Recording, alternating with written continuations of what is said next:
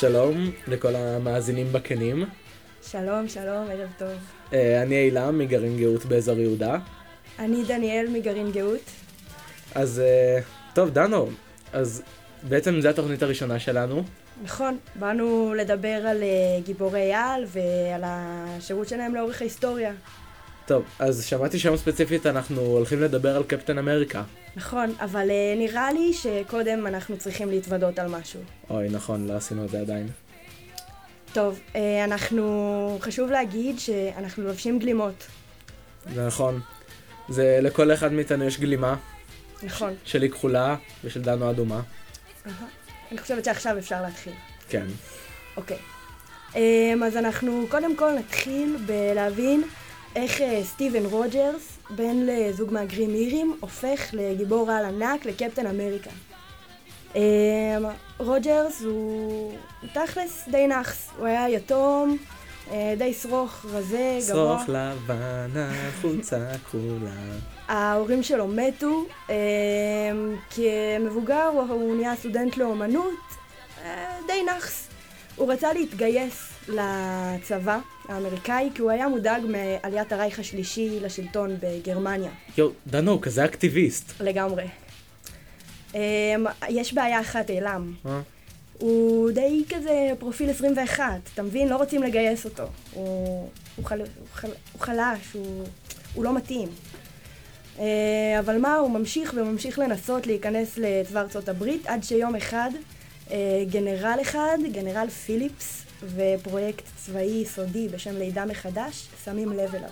רגע, לידה מחדש? כן. זה פרויקט שהמטרה שלו היא ליצור חיילים מושלמים מבחינה פיזית. רוג'רס אה, התנדב להיות השפן ניסיונות האנושי הראשון שלו. אה, זה תכלס דורש ממנו אה, לקחת נסיוב שיהפוך אותו לסופר חייל. אה, תכלס, הוא מוכן לעשות את זה כי אין לו הרבה מה להפסיד. המצב בעולם מאוד חשוב לו, ואין לו יותר מדי, אין לו יותר מדי נתונים להמר עליהם. הוא, במצב די גרוע. אמ, אילם, יש לי שאלה אחת. בסרט החדש מזריקים את הנסיוב לקפטן אמריקה, ובקומיקס הישן המקורי הוא בולע את זה בשתייה. אה, נכון, באמת יש שם את הפער הזה, כי בעצם בקומיקס אי שם בשנות ה-60, אה, היה איזשהו קוד אתי מאוד מאוד ברור, שזה אסור סמים. ובגלל זה, זה שיזריקו לרוג'רס את הנסיוב, זה היה דומה מדי בעצם להזרקת סטרואידים. שזה בתכלס מאוד ערער את היוצרים. אה, בגלל זה בקומיקס המקורי הוא מקבל את החומר כמנות שתייה, ובסרט הוא הזריק.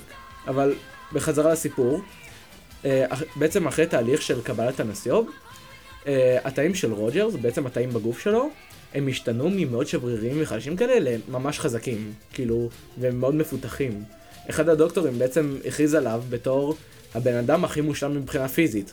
הוא סוג של הגזע העליון, שזה מאוד אירוני, כי הוא נלחם באידיאולוגיה שמונעת על ידי תורת הגזע. לגמרי. Uh, בעצם אחרי זה, אז מרגל נאצי בשם היינס קרוגל יורה בדוקטור. Uh, הדוקטור בעצם סירב uh, לכתוב את הנסיוב, את המסקנות של הניסוי ואת הדברים שדורשים בשביל להכין את הנסיוב לחיילת, להכנת חיילי על. ובעצם המסקנות והמתכון, נקרא לזה ככה, הלכו עם הדוקטור לקבר, ובגלל זה אנחנו שמים לב שיש בעצם רק קפטן אמריקה אחד, הוא יחיד במינו. מה שכן, אחרי, אחרי הרצח, רוג'רס רוצה לנקום את מותו של הדוקטור. הוא מאוד אה, מנסה והולך להיינס ובעצם נוקם את מותו. אה, והאמת היא, אחרי, מיד אחרי זה ממשלת אמריקה גילו על רוג'רס, ובעצם החליטו שהם לוקחים אותו תחת חסותו.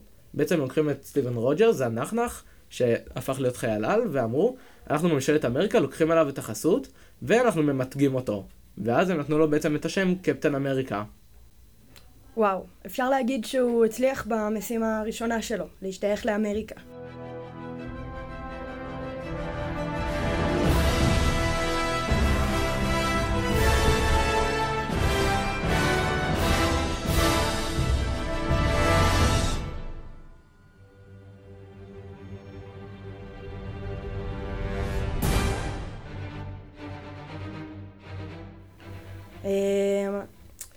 תכלס, זה לא מקרי שהיוצרים ג'ו סיימון וג'ק קירבי, הם בעצם יצרו את הקומיקס המקורי, אה, והקימו לתחייה את קפטן אמריקה.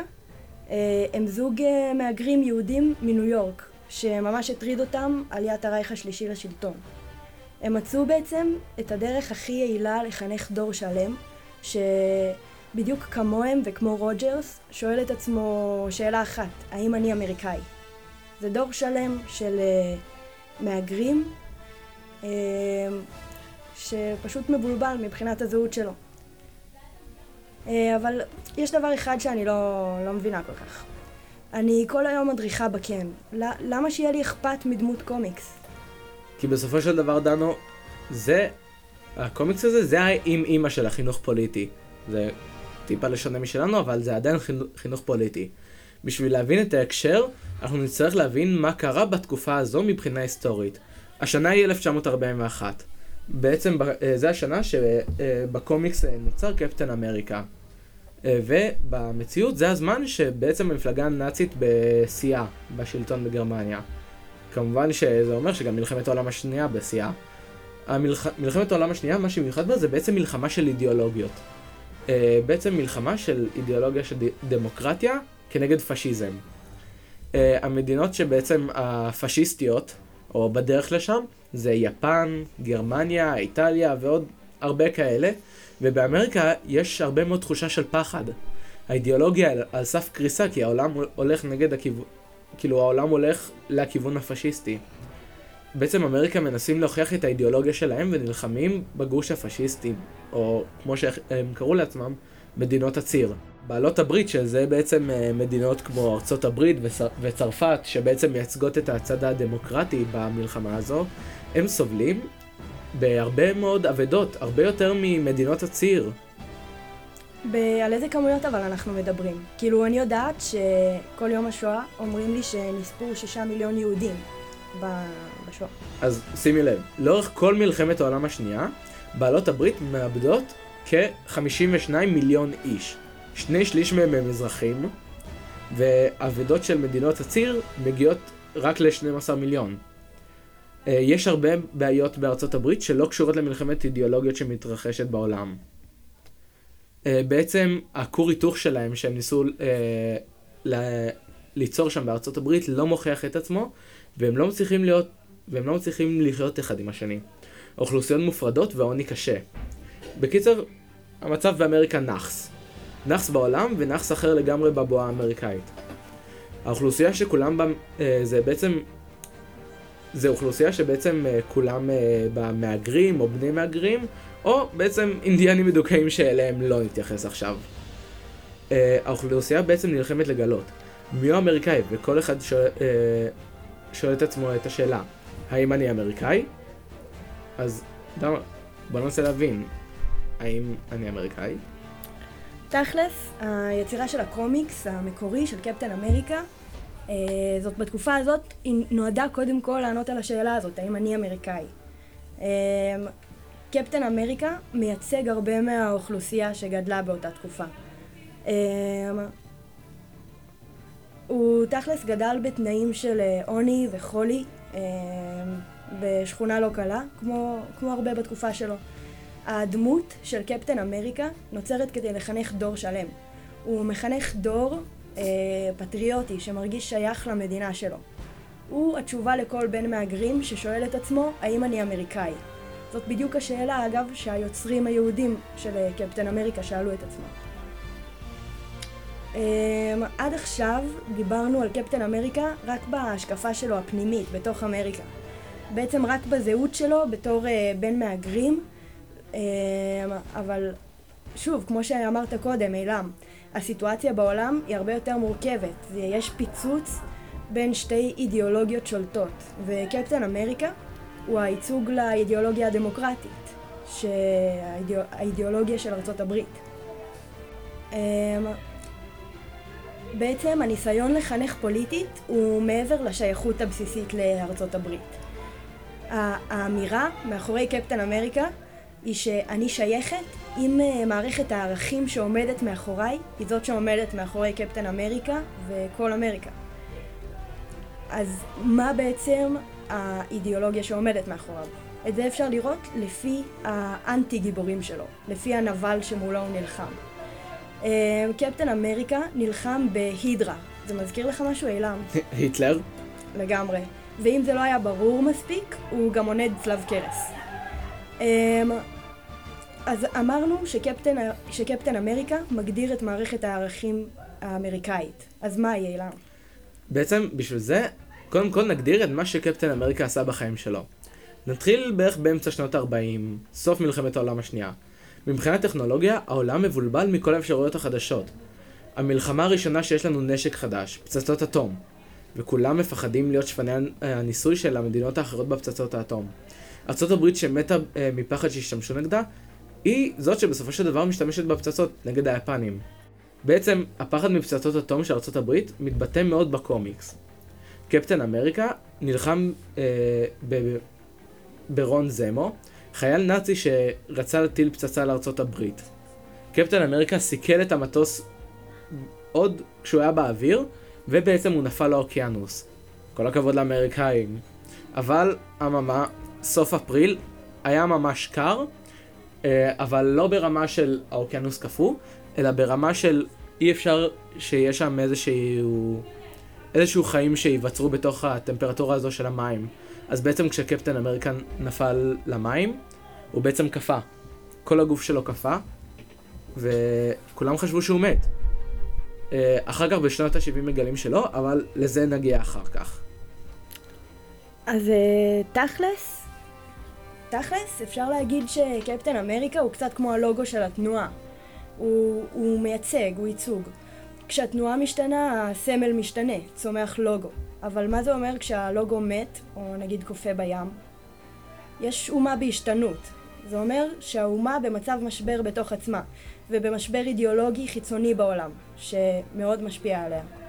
קפטן אמריקה מת, הוא כבר לא המודל האמריקאי, הוא לא מתאים יותר. אבל צומחים לנו מודלים חדשים שנושאים את האלטר אגו שלו. המודלים החדשים אגב תמיד נפלו.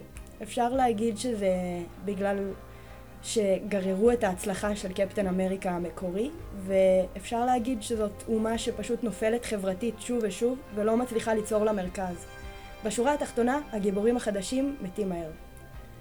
אמ, מאז שמת קפטן אמריקה המקורי, הרבה אנשים ניסו להמשיך את הדמות שלו, שהשתנתה נורא מהר בהתאם להשתנות של המטרות והיריבים של האומה. מי היריב הבא ש... שמחכה לנו? הקומוניסטים, לא? בטח. אני... אמ, בשביל להבין בעצם למה כולם שונאים את הקומוניסטים, ובמיוחד האמריקאים, אה, נצטרך לחזור אחורה בזמן. טוב, אז תני לי להחזיר אותך אחורה בזמן. אנחנו עכשיו בעצם במלחמת העולם הראשונה, שלא כמו מלחמת העולם השנייה שדיברנו עליה קודם, היא לא מונעת מקרב אידיאולוגיות, אלא בעצם מעודף של נשק עצום ומערכת בריתות הרסנית שנובעת בעיקר מהפחד מהשימוש בכל הנשק. הצדדים הלוחמים בעצם, אה, יש את מדינות ההסכמה, כמו בריטניה, צרפת ועוד מדינות שקצת פחות קריטיות לנו, ומדינות הציר, שמורכבת מהאימפריה הפרוסית, שבעתיד תתפרק לגרמניה ועוד מדינות, אה, והאימפריה העות'מאנית ועוד. בעצם בתוך המערכה של מלחמת העולם הראשונה, רוסיה אה, צארית ומתחילה בברית של מדינות ההסכמה. תוך כדי כל הסיטואציה שבעולם, רוסיה מתפלפת כזה. יש מהפכה קומוניסטית ברוסיה, שוחטים אנשים ברחובות וההיסטריה פשוט בשיאה דנו.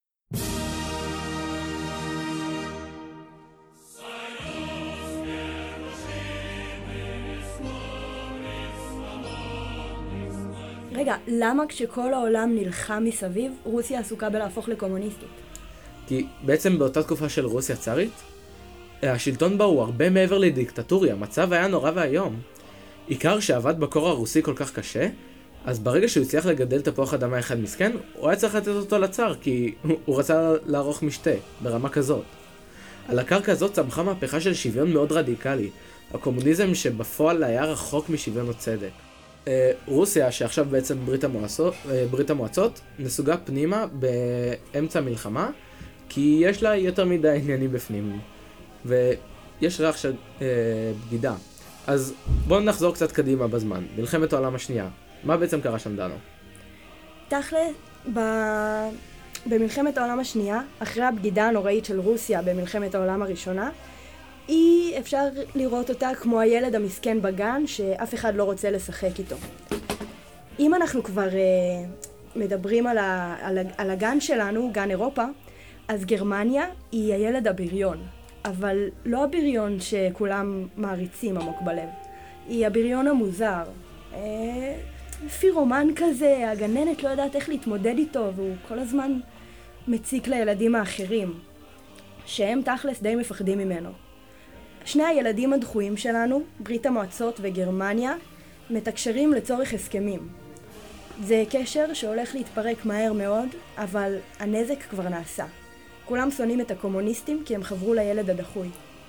אז רגע, אה, דנו, אפשר רגע לעשות איזושהי סקירה מהירה על למה כולם שונאים את הקומוניסטים בסופו של דבר? כאילו, אני כבר הלכתי לאיבוד. כן. אה, בעצם, כמו שהסברת אתה, אילם, על הסיבה הראשונה, אה, במלחמת העולם הראשונה, רוסיה היא בברית של מדינות ההסכמה, שם היא מתחילה. אבל מה קורה תוך כדי המלחמה? היא בעצם מתכנסת לתוך עצמה, כי היא במהפכה קומוניסטית בפנים.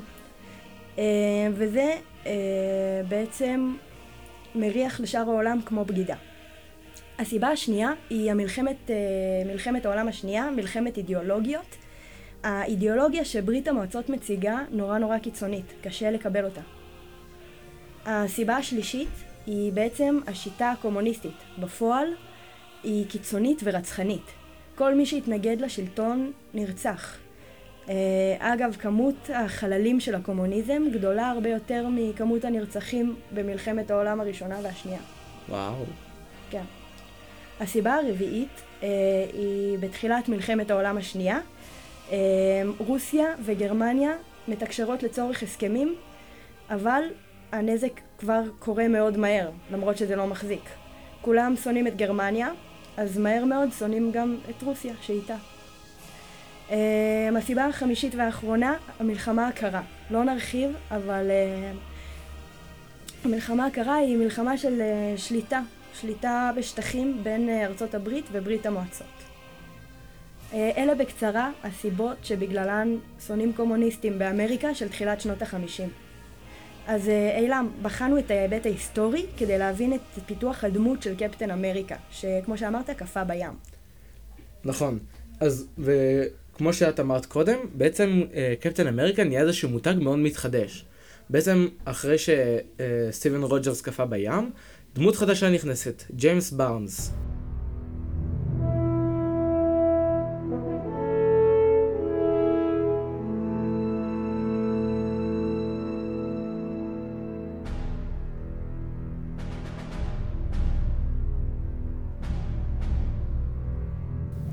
ג'יימס בארנס הוא בעצם יתום, כי אבא שלו נהרג אה, כחייל באימונים אה, לפני כניסת ארה"ב למלחמת העולם השנייה, ובעצם אה, בעקבות כך הוא מאומץ כחייל צעיר, וישר מתחבר עם, עם בעצם עם טוראי סטיב רוג'רס, קפטן אמריקה.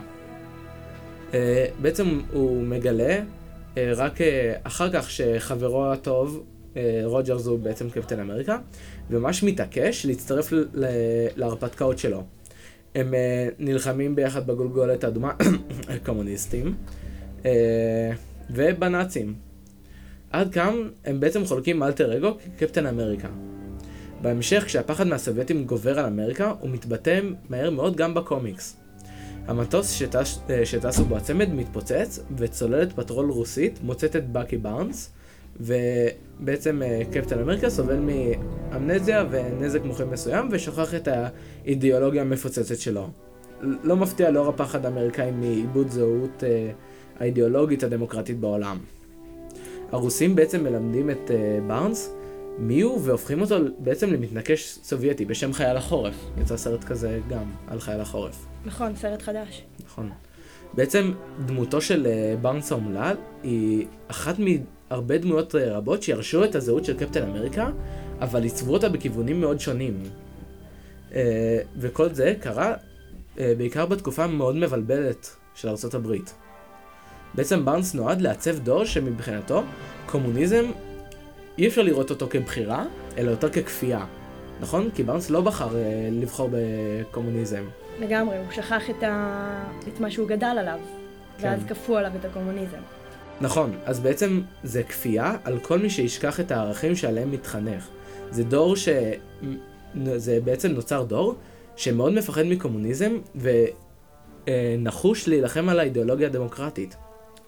וואו, אילם, יש מצב שכל הזמן הזה טעינו בשיטה שבה אנחנו מחנכים פוליטית בכנים? ממש לא דנו. אנחנו מחנכים לחשיבה והבנה של המעשים של אנשים מתוך ההיסטוריה, ולא תופסים את העולם מתוך זווית ראייה של דמות שנולדה בתקופה מסוימת ובמקום מסוים, וכל מה שהיא פועלת על פיו הוא המצב הקיים. לגמרי. ובכלל נדבר על זה בפרק אחר, אבל uh, מבחינתנו אנחנו לא מחנכים גיבורי על קפיטליסטים. בודדים, עוצמתיים, שונים מכל שאר החברה שהיא מנוונת וצריכה את ההצלה שלהם. אנחנו מחנכים קבוצות של גיבורים שמוכנים לפעול מתוך החברה וביחד אחד עם השני, כדי לשאוב אחרים לפעול איתם. נכון. על הנושא של הקבוצה יהיה לנו תוכנית שלמה אה, עליה, ויש הרבה למה לחכות. וואי, דנו, אני מרגיש כאילו למדתי מלא עכשיו, ואני לגמרי מבין מה המשמעות של החינוך הפוליטי בקנים שלנו. מרגש, וואו. אמ, אנחנו... אנחנו בעצם סיימנו פה להיום. נכון? אז אה, לילה טוב, אנחנו נלך לפעולה. תודה רבה שהקשבתם. נכון, אה, תודה לכם. תודה רבה שהקשבתם ושהאזנתם לנו ברדיו כחול. אז אה, נשתמע בפרק הבא של מצילים את העולם. ביי ביי.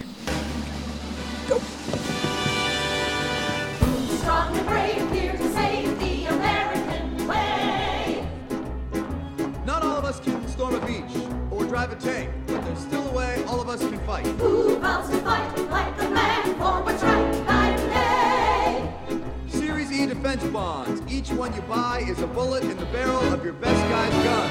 Who will campaign door to door for America? Carry the flag shore to shore for America.